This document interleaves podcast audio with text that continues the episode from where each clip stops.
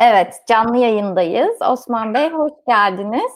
Hoş bulduk. Ee, şimdi e, bugün Türkiye'deki korona e, vakaları istatistiklerini, ölüm oranlarını konuşacağız. Aslında ilk bölümde ondan bahsedeceğiz. E, ardından da biraz dünyaya bakacağız. Hani korona ölümleri e, dünyada nasıl ele alınıyor, e, nasıl görünüyor ona biraz bakacağız. E, ve diğer pandemilere, epidemilere, e, diğer ölüm sebeplerine, e, onların rakamlarına bakacağız. E, ben size kısaca tanıtmak istiyorum ama ondan önce bir e, linki paylaşayım arkadaşlarla. Pardon. Rica ederim. Zaten evet.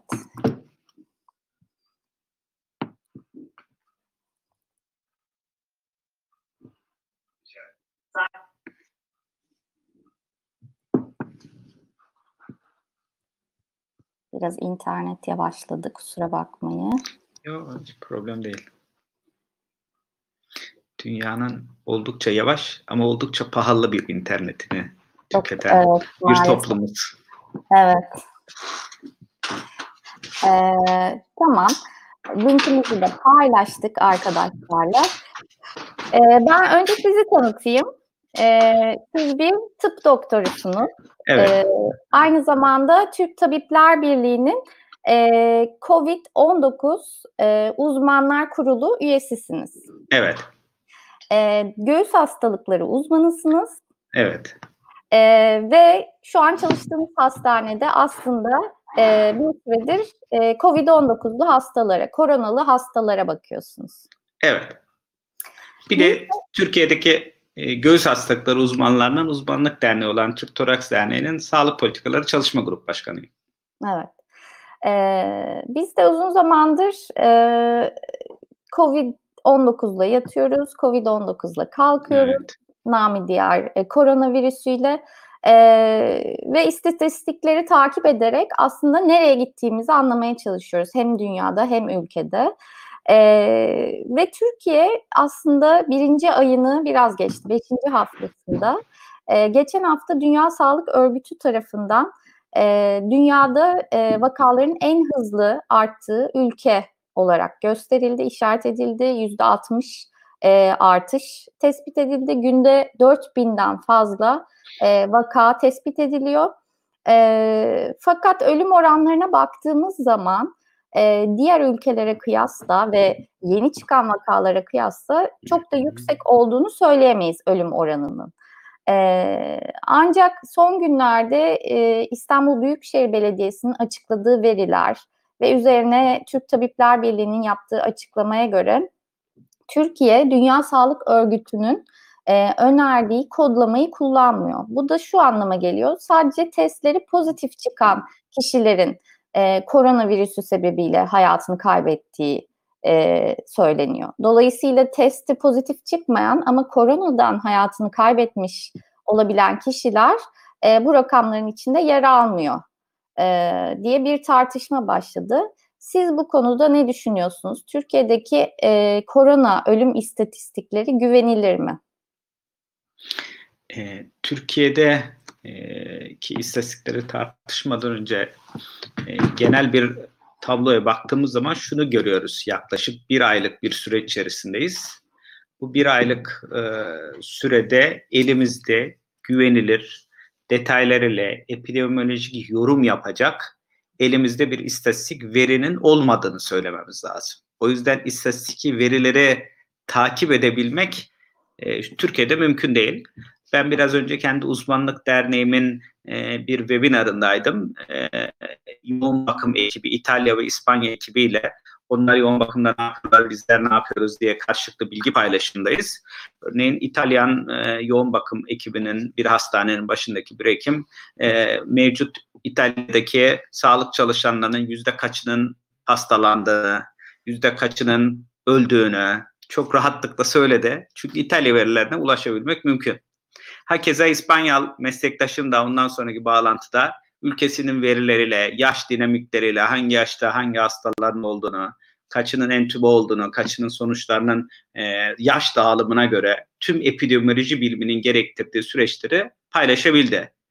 Aynı şansa biz sahip değiliz. Biz çok kısıtlı bir sayıda toplam vakayı, toplam test sayısını, günlük entübe olan ve yoğun bakımda izlenen ve kaybettiğimiz hasta sayılarını görüyoruz. Buradan bir epidemiolojik analiz yapmak bu verilerle mümkün değil. Dünyada bu veriler üzerine çok az verisi paylaşan nadir ülkelerden biriyiz. Ama şu gerçek, sadece açıklanan veriler virüsü saptanan PCR pozitif hastaların verileri. Ama ben bir hekim olarak e, gün içerisinde PCR'ı negatif olan, e, serolojik olarak tanı koyamadığımız, virüsü bulamadığımız ama mutlak COVID olduğunu bildiğimiz ve COVID olarak tedavi ettiğimiz tüm hastaların verilerine Sağlık Bakanlığı'nın açtığı sisteme giriyorum, girmek zorundayım hekimlik mesleğimin gereği olarak ve zorunlu olarak. Sabah akşam o hastaların takiplerini de giriyorum. E, ama bu girdiğin veriler ne yazık ki topluma PCR negatif olan verilerin hiçbiri ama hiçbiri paylaşılmıyor. Bu yüzden gerçekten büyük fotoğrafın çok küçük bir bölümünü konuşabiliyoruz. E, konuştuğumuz e, veriler üzerine kişisel kanaatim odur ki evet gerçekten Dünya Sağlık Örgütü de dikkat çekti. Hani çok hızlı yükseldiniz dedi. E, kaygılıyız dedi. E, çünkü e, çünkü bunun bir takım nedenleri var. En önemli nedeni kanaatimce biz ilk olguya çok geç tanı koyduk. Bugünden yaklaşık bir ay öncesine gidersek bu ülkede test sayısı yaklaşık 3000-4000 düzeylerindeydi. Evet. Bir şey aramazsanız. İlk tanının tespiti 11 Mart'ta hatırlatalım. Evet. evet. Ama o toplumda hastalığı ararsanız tanıyı koyabilirsiniz. E, toplumda hastalığı aramıyorduk. 3000-4000 test 80 milyon nüfuslu bir ülke için sıfır. Hiç anlamsız bir test sayısıdır. Hani İran'a kadar gelmiş, e, güney sınırlarımızın ve batı sınırlarımızın hepsinde virüs var. Almanya'da çıkıyor, Fransa'da çıkıyor. O günleri hatırlarsanız biz çok iyi önlemler aldık. Türkiye'ye hani sanki virüs pasaport soruyor. Türkiye Cumhuriyeti ise girmem diyormuş gibi girmiyordu. E, aslında bugün itibariyle biliyoruz ki evet o günlerde Türkiye'de aslında koronavirüste hastalanan insanlar vardı. Biz test yeterince yapamadığımız için bulamadık. İlk vakayı o günden sonra bulduktan sonra ise toplum genelinde olabildiğince hele İstanbul özelinde hareketlilik de nedeniyle koronavirüs hani gerçek anlamda bir salgını vardı. Hızla tanı koymaya başladık. Ama biz eğer e, bu virüs için daha önceden test yapabilseydik, fazlasıyla gerektiği oranda yapabilseydik, aynı Singapur gibi, aynı Güney Kore gibi erken olguyu bulurduk erken olgunun hemen birinci halkasını, ikinci halkasını temasta bulunduğu insanları hızla tarayabilir. Bugün çok kullanılan ifadesiyle filyasyon yapabilir. Tam onu soracaktım. Onları, yani filyasyonu daha erken başlatarak daha aslında tabii, kapsamlı yapabilirdik. Evet ve toplumun tümüne kısıtlayıcı hükümler getirmezdik. Toplumun tümüne sokağa çıkmayın, dışarıya çıkmayın, 65 alt yaş üstü çıkmasın, 20 yaş altı evlerinde otursun veya hafta sonları otursun demezdik. Kısıtlı sayıdaki bir olgu grubunun etrafındaki insanlara kısa bir süreli 14 gün süreyle zorunlu bir ikamete sağlayabilirdik. Toplumu koruyabilirdik. Buna salgını bastırma stratejisi diyoruz. Türkiye aslında plana itibariyle en azından iddialar itibariyle bir bastırma stratejisi gibiydi. Türkiye salgını yatıştırma stratejisini yaptı. Yani gelsin salgın topluma girsin ama hani olabildiğince yatıştırmaya çalışayım, sağlık hizmetini aşmayayım, baskılama stratejisine geçmedi. O yüzdendir ki olgulardaki pikimiz çok hızla yükseldi. Ölüm oranlarına gelirsek, Türkiye'de bir şeyi kıyaslayabilmek için bilimde benzer şeyler birbirleriyle kıyaslanır. Elmalar elmalarla, armutlar armutlarla. Türkiye toplumsal dinamiğine uygun bir toplumla ölüm oranı kıyaslanabilir. Ne demek istiyorum? Elimizde bir toplum düşünün, çok genç bir toplum olsun ve yaşlılarda ölümcül soruna neden olan bir hastalık, Covid gibi bir hastalıktaki ölüm oranı başka bir toplumu düşünün, görece yaşlı bir toplum. Bu yaşlı toplumla kıyaslanamaz. Çünkü doğası gereği, tedaviden falan bağımsız olarak doğası gereği yaşları öldüren bir virüs hastalığı genç bir toplumda az ölüme neden olacaktır. Hı hı. O yüzden toplamında Türkiye'nin az ölümü olması sevindiricidir, çok mutluluk vericidir. Ama zaten olması gereken budur. Çünkü Türkiye'de 65 yaş üstü nüfus %8,5-9'larda.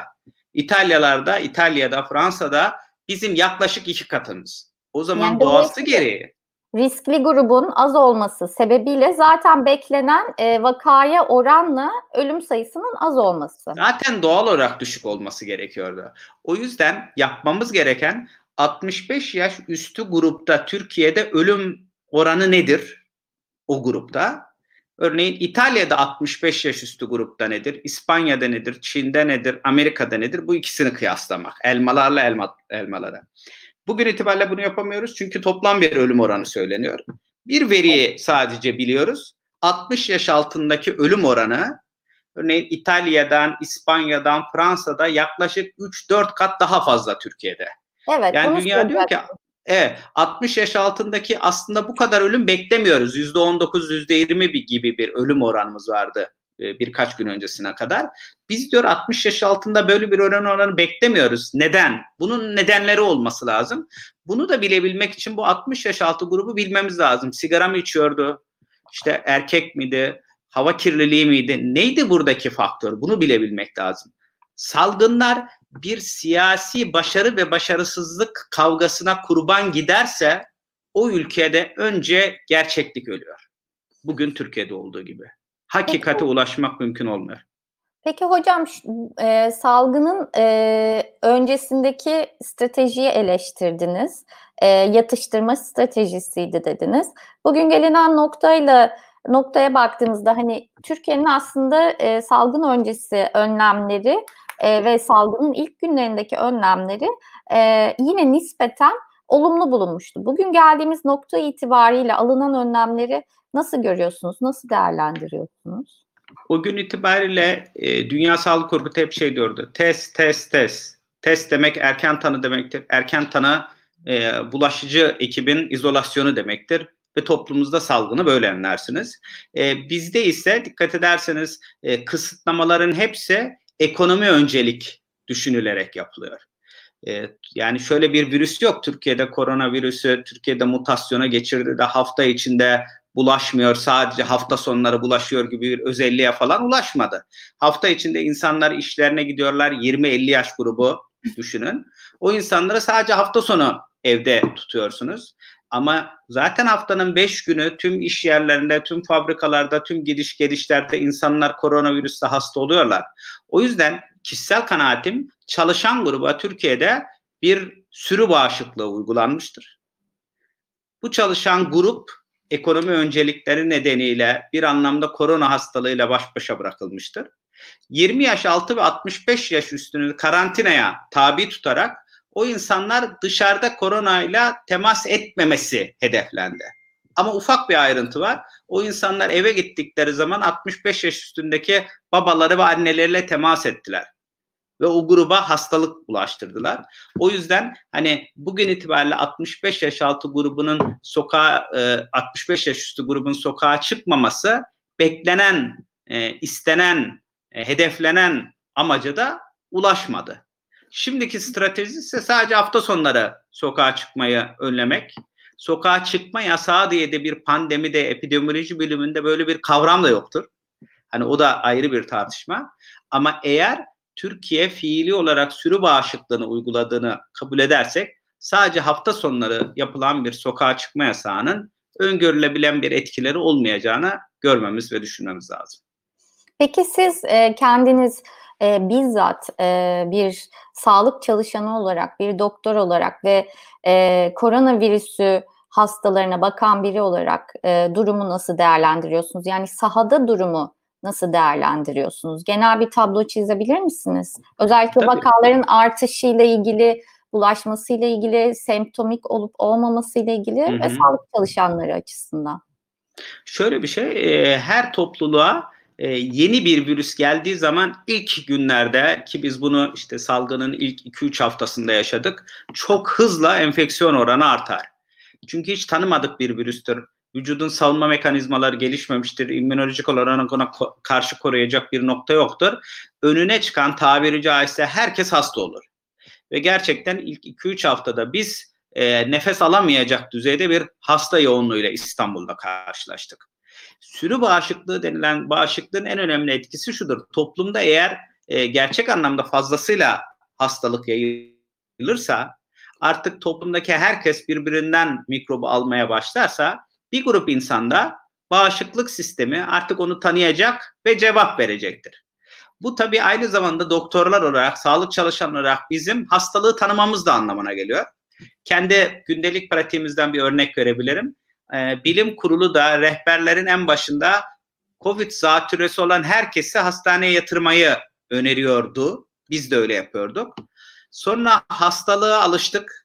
Daha doğrusu hastalığın toplumda bulaşıcılığını kabul ettik, kanıksadık. Artık COVID'de çok hasta olacak dedik. Ve biz bugün itibariyle artık COVID zatürrelerine hastanede yatırmıyoruz. Bir üç haftada değişen en temel noktalardan biri bu oldu. E, ve biz bugün itibariyle yatak sayılarımızda bir problem yaşamıyorsak bunun nedeni COVID hastalarının az olmasından ziyade biz bu hastaları ayaktan evlerine gönderebilecek e, A kendi içimizde hastalığı tanıdık bilgi düzeyinde. B en önemlisi kanıksadık. E, ya ben çok uzun 3-5 haftadır tomografisi e, COVID zatürresi olmayan hemen hemen hiç kimseyi görmedim. Hiç tomografi görmedim. O kadar kanıksadık. Ve eve göndermeye başladık biz bu hastaları. E, pek çok insanın da biz bugün biliyoruz ki hafif öksürük e, doğası gereği, hastalığın doğası gereği yüzde 45-50'sinde ya hiç şikayet yok ya çok az bir şikayetle bu hastalığı geçirdiğini biliyoruz. Biz bugün hangi grupla daha fazla uğraşıyoruz? E, hastalığın yaygınlığı nedeniyle bağışıklık sistemi yeterince yanıt verememiş. Ona yeterince savunma yapamamış. E, çok basit hastaları zaten çok hızlı eve gönderip artık hastanede yatırdığımız hastalar gerçekten ağır zorlu hasta grubu olmaya başladı.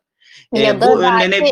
e, destek üniteye ihtiyaç duyan evet, hastaları evet. sadece. Dikkat ederseniz de zaten yoğun bakım hasta sayımız artıyor. Öntibe olan yani solunum desteğine ihtiyaç duyan hasta sayımız artıyor. Oranı az, oranının az olması hastaların azlığından kaynaklanmıyor. Toplumun hemen hemen hepsine hastalık yayıldığı için yoğun bakımda ve entübasyona ihtiyaç duyan hasta sayısı istatistiksel olarak küçülüyor rakam itibariyle. Ama sayı bazında bakarsanız hem ölüm sayılarımız artıyor hem yoğun bakımda yatan hasta sayılarımız artıyor. Daha ağır hastalarla temas etmeye başladık. Ee, bir Güney Kore, bir e, Singapur gibi salgını baskılamayı ve olabildiğince az insanın hasta olmasını tercih ederdim. Ee, ama ki böyle bir noktaya varmadık. Ee, ölümün düşük olması, oransal olarak düşük olmasına çok seviniyorum bir hekim olarak. Ama zaten genç bir toplum Türkiye toplumu. Zaten doğasında da beklediğimiz şey ölüm oranının düşük olması. Burada böyle evet. ölüm istatistikleriyle ilgili tek bir şey söyleyebilirim. Gerçekten kod çok kritik bir nokta. Ee, daha önemlisi şudur. Ee, has hekimlerin tanı koydukları COVID dedikleri hastaların defin ruhsatları yani aslında cenaze işlemleri bugün itibariyle hemen tamamen bulaşıcı hastalık ve doğal ölüm olarak tanımlanıyor. Covid falan değil. Covid PCR'ı da pozitif olan hastalar da dahil olmak üzere defin ruhsatlarının hemen tamamı bulaşıcı hastalık doğal ölüm. Yani aslında ölüm istatistiklerine dönerseniz Covid görmeyeceksiniz. Bulaşıcı Peki. bir hastalıktan dolayı ölmüş olacak insanlar. Peki eğer bu kodlar kullanılmıyorsa bakanlığın açıkladığı rakamlar tamamen kendi e, test sonuçlarına göre yaptığı ayrımlardan mı geliyor? Ben tam anlayamadım. Tamam. Bakanlığın elinde hem PCR pozitif hem PCR negatif hastaların an be an tüm verisi var. Hmm. Ne kadarı yoğun bakımda, ne kadarı solunum desteğinde, ne kadarı öldü. Hmm. Bu deste bu bilgilerin hepsi bakanlığın muhtesinde var. Burada bir problem yok. Bakanlık bundan kendi takdirine göre istediklerini açıklıyor. Ama kritik noktamız başka bir şey. Hastalığın tanı alması defin ruhsatının da öyle düzenlenmesi anlamına gelmiyor. Anladım. Bugün itibariyle Türkiye'de defin ruhsatları bulaşıcı hastalık doğal ölüm diye tarifleniyor. Covid olarak tariflenmiyor. O yüzden yarın ölüm istatistiklerine de baktığımız zaman Covid üzerinden bir muhtemel vefat görmeyeceğiz. Bulaşıcı hastalık doğal ölüm diyerek kodlanıyor. Orada da aslında ölümün Dünya Sağlık Örgütü'nün raporlama sistemine göre bulaşıcı hastalık şüphesiz şüphesiz bulaşıcı hastalığa bağlı doğal bölüm ama hangi bulaşıcı hastalık? Covid-19 olarak tariflenmesi gerekiyor. Hem PCR'a pozitif hem PCR'a negatif olan hastaların. Biz o yüzden ancak şöyle bir projeksiyon yapabiliriz. 2019, 2018, 2017'deki Türkiye ve kentlerdeki ölüm e, istatistiği, ölüm hızıyla 2020'de bu aylardaki ölüm hızını karşılaştırarak böyle bir projeksiyon yapabiliriz. Hep aynı yere geliyoruz. Elimizde sağlam güvenilir veri yok. Peki e, burada bir şey sormak istiyorum. Dünya Sağlık Örgütü hani böyle bir pandemide devletlere bazı yükümlülükler e, yükleyemiyor mu? Yani bu bu şekilde mesela ölüm kodlarını kullanması Dünya Sağlık Örgütü'nün tavsiyeden öte hani devletlere bir anlamda e, dayattığı bir uygulama değil mi? E, evet. Nasıl işliyor bu sistem? Çok iyi bir soru bu. E, konuyla biraz uzaktan olan insanlar Dünya Sağlık Örgütü'nün hükümetlerin üstünde onlara tavsiye eden hatta onları zorlayan bir yapımış gibi olduğunu zanneder. Dünya Sağlık Örgütü son Trump'ın yaptığı açıklamada da olduğu gibi doğrudan hükümetlere bağlı, bütçesi hükümetlerden gelen ve asla sadece Türkiye için söylemiyorum, dünyadaki tüm hükümetlerin yaptığına karşısında açıktan eleştiri yapamayan bir örgüttür. Dünya Sağlık Örgütü'nün son 20 yılda, son 30 yılındaki dinamiğine bakarsak çok şeyin değiştiğini, o 45'lerdeki Dünya Sağlık Örgütü'nün falan hiç olmadığını görmemiz lazım. İyi anlamda mı kötü anlamda mı değişti? E, nereden baktığınıza bağlı e, iyi veya kötülük göreceli bir şey. Örneğin Dünya Sağlık Örgütü artık tümüyle ülkelerden, hükümetlerden, bütçeleriyle bağımsız özel bir kurum falan değildir. E, çok kısıtlı bir bütçesi vardır. Çoğu bütçesi ilaç şirketleriyle fonlarına bağlıdır. E, grantlar üzerinden götürür. E, bu yüzden de bağımsız, dünyanın tümünü gözet, gözeten, e, ülkelerin gerekirse devletlerine biraz tabiri caizse ayar veren bir yapı falan değildir. Böyle bir şeyi beklememek lazım Dünya Sağlık Örgütü'nden. Dünya Sağlık Örgütü'nün e, hükümetlerin, siyasi iktidarların dünyadaki sözcüsü gibi düşünmek, beklentiyi ona göre tarif etmek gerekir. Dünya Sağlık Örgütü neoliberal dünyanın e, biraz sözcüsüdür. Hükümetlerin, siyasi iktidarların e, genel itibariyle çizgilerinin e, hele hele açıktan eleştirisini hiçbir zaman yapmaz. Böyle bir şey beklemeyelim Dünya Sağlık Örgütü. Aslında bu çok enteresan bir konu ama e, birkaç sormak istediğim soru daha var. Evet. Vaktimiz de çok uzun değil. E, o yüzden e, bunu daha sonra konuşuruz Tabii diye ki. umut ediyorum. E, şimdi şöyle bir durum var. Dünyada gerçekten e, hala insanlar gripten ölüyorlar. Domuz gribinden ölüyorlar ve rakamlar o kadar yüksek ki aslında şu an koronadan ölen insan sayısı hala e, bir yılda gripten ölen insan sayısına ulaşmış durumda değil. E, milyonlarca insan e, açlıktan, tedavi edilebilir hastalıklardan hayatını kaybediyor. Daha önce e, benzer bulaşıcı virüslerle karşılaştık. SARS, MERS, e, domuz gribi, kuş gribi, e, Ebola. Üstelik bunların e, bulaşıcılığı çok daha yüksekti. Ama bütün korona şu anda e, dünyayı durdurmuş durumda. E, biraz da bunun nedeni acaba virüsün bilinmezliği ve tanınmazlığı mı? Çünkü siz de biraz önce kendi deneyiminizden bahsederken e, biz zatüre, e, koronadan zatüre olan hastaları yoğun bakıma alıyorduk. Artık virüsü tanıyoruz, almıyoruz dediniz. E, korona ile ilgili rakamlar hala aslında başka hastalıkların ve başka ölümlerin altında olmasına rağmen bütün dünyayı durdurmasının sebebi nedir? Siz bir doktor olarak bunu nasıl değerlendiriyorsunuz? Ee, ben biraz rakam da çıkarmıştım. Gerçekten söylediğinizin çok önemli bir deneyim karşılığı var. Örneğin Covid'den bugün itibariyle Dünya Sağlık Örgütü verisine göre 1 e, milyon 991 bin 562 kişi resmi olarak hasta. PCR'lar negatifleri çoğu yerde hala hasta olarak görülmez. 130 küsür bin insanda kaybedilmiş durumda. Önemli bir rakam hiç tereddütsüz. E, ama hemen kıyaslarsak örneğin Covid'de influenza'ya kıyaslarsak influenza'dan dünyada ölümün 300 bin ile 600 bin arasında seyrettiğini biliyoruz. Her ee, sene. Evet. Her sene. Tüberküloz her yıl bir buçuk milyon insanın ölümüne neden oluyor. e, koronayla kıyaslanamayacak ölçüde daha yüksek bir rakam. Birkaç nedeni var kanaatimce. E, biri e, örneğin influenza'ya göre düşünürseniz, mevsimsel grip dediğimiz tabloya göre düşünürseniz, mevsimsel grip yıllar boyu artık kanıksadık, biliyoruz. Yani tedaviyle işte 7 günde gider, tedavisiz bir haftada geçer demeye kadar getirdik. E, iki, e, mevsimsel gripin olgu başına ölüm, ölümcüllüğü koronayla kıyaslanamayacak ölçüde düşük. Bin e, mevsimsel grip hastasından biri ölüyor.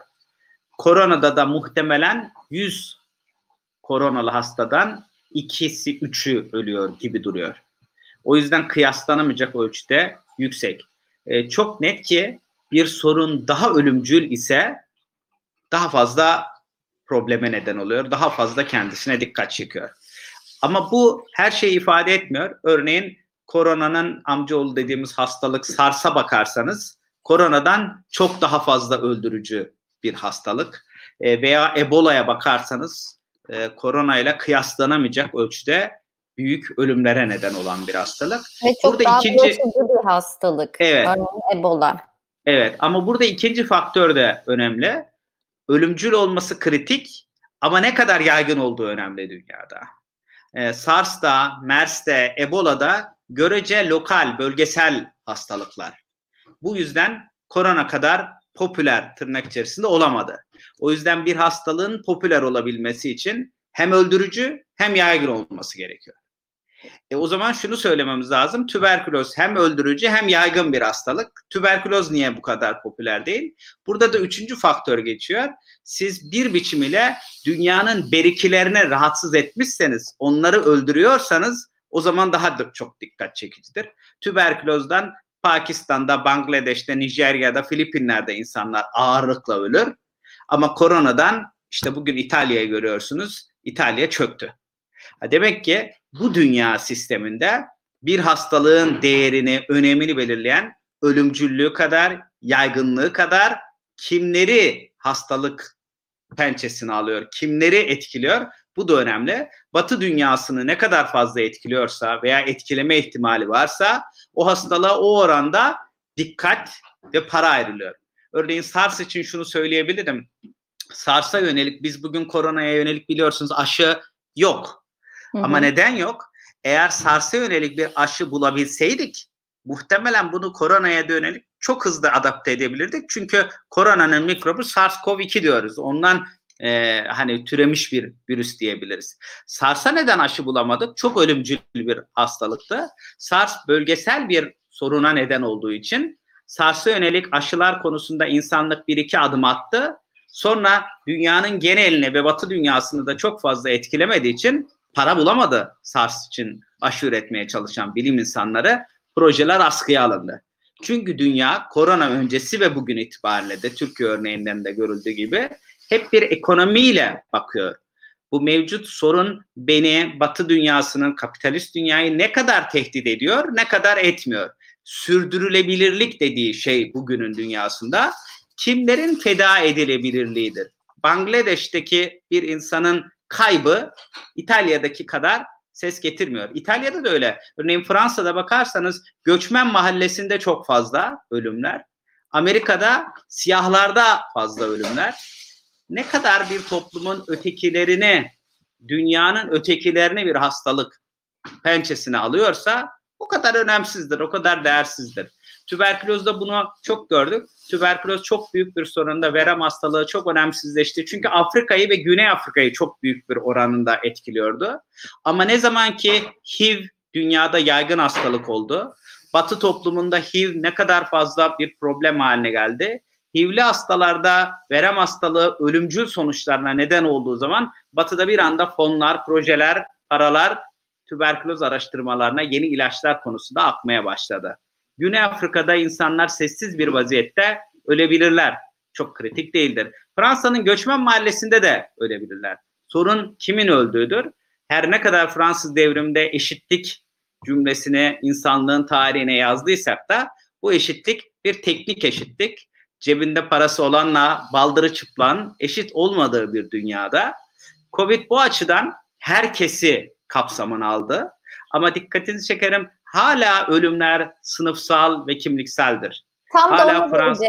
Son olarak hani kapatmadan önce onu sormak istiyordum. Hani e, bazı e, romantik düşünceler oluyor. Hani bu virüs sınıf tanımıyor, herkese eşit derecede etkiliyor diye. Ama gördüğümüz kadarıyla hani bu sürü bağışıklığı dediğiniz e, olay çalışmak zorunda olan, sokağa çıkmak zorunda olan kitlelere etkiliyor. Yani yine de aslında ölümlerin, yani bu hastalıktan en fazla ölümün, acının e, bir anlamda e, kendini koruyamayan, elit olmayan kesimler tarafından çekileceğini söyleyebiliriz değil mi?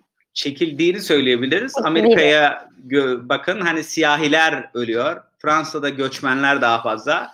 Türkiye tabii imtiyazsız, sınıfsız bir kitle olduğu için Türkiye'de böyle bir şey yok. Türkiye'nin sınıfsal yapısı diye bir şey olmadı. Hepimiz eşit olduğumuz için Türkiye'de herkes ölür. Öyle değil. Türkiye'de de bu sınıfsal ve kimliksel ayrımlar var. Ee, Türkiye'de de ölenler, başlarına problem gelenler gerçekten ötekileştirilen sınıflar, ötekileştirilen kimlikler. Hayatta eşit değilseniz ölümde de eşit değilsiniz. Bu çok açıktır. Çünkü bir tarafta Kanada Başbakanı gibi korona olduğunuzu açıklarsınız. Hiçbir problem yoktur. Öte tarafta Konya'da Afgan mülteciyseniz dayak yersiniz. Koronayı siz bize bulaştırıyorsunuz diye. Mevlana'nın ne olursan ol yine gel denilen kentinde dayak yersiniz Afgan mülteciyseniz. O yüzden korona herkesi kapsamına alır ama eşitsiz bir vaziyette. Herkesin ölümlerde eşit olmadığı bir dünyada yaşıyoruz.